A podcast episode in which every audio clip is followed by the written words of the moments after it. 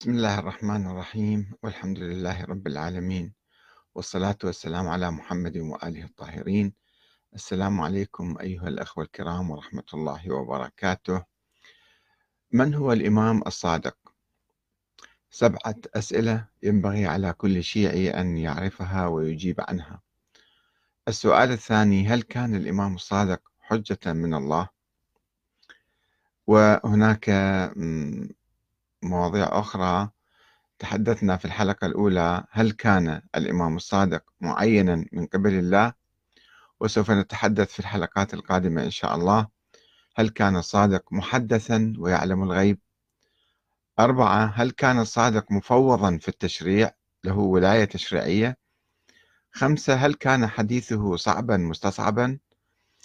أه ستة هل كان هل الولاء لأهل البيت ركن من أركان الإسلام؟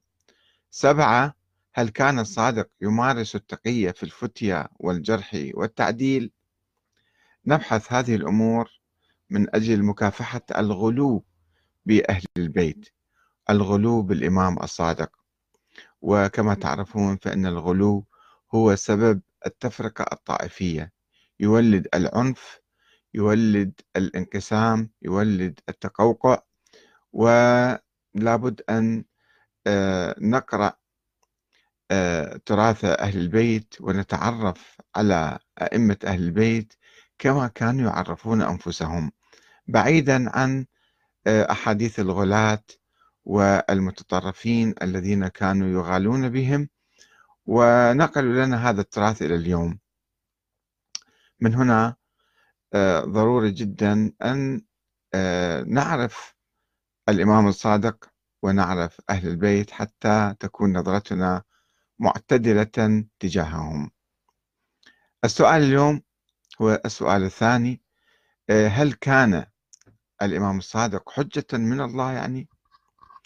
بالرغم من تأكيد الإمام الصادق على ختم النبوة وانقطاع الوحي إلا أن بعض الغلاة من الإمامية مو كلهم كل الإمامية بعض الغلاة من الإمامية.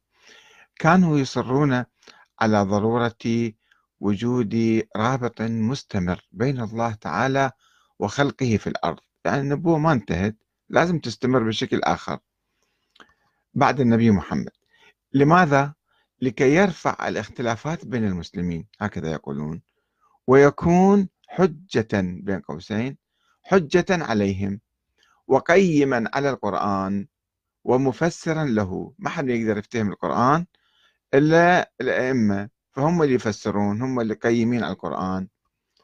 هو منه هذا؟ الإمام الناطق في مقابل القرآن الصامت كما يقولون. القرآن صامت فلا بد له من مترجم ناطق وهو الإمام الصادق وغيره من الأئمة.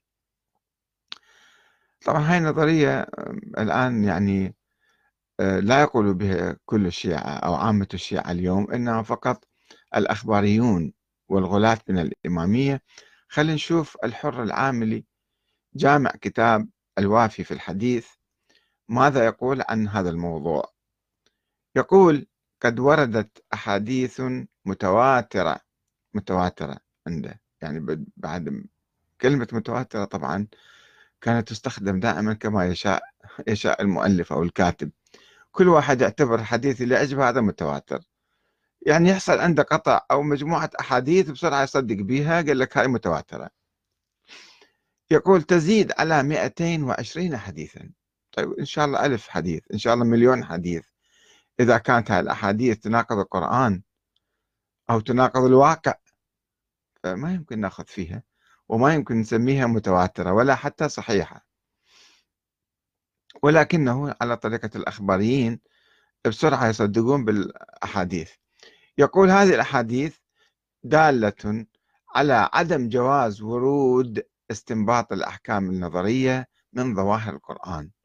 ما يمكنك أنت تأخذ فد حكم أو فد معنى من القرآن من ظواهر القرآن كما تقرأه مثلا.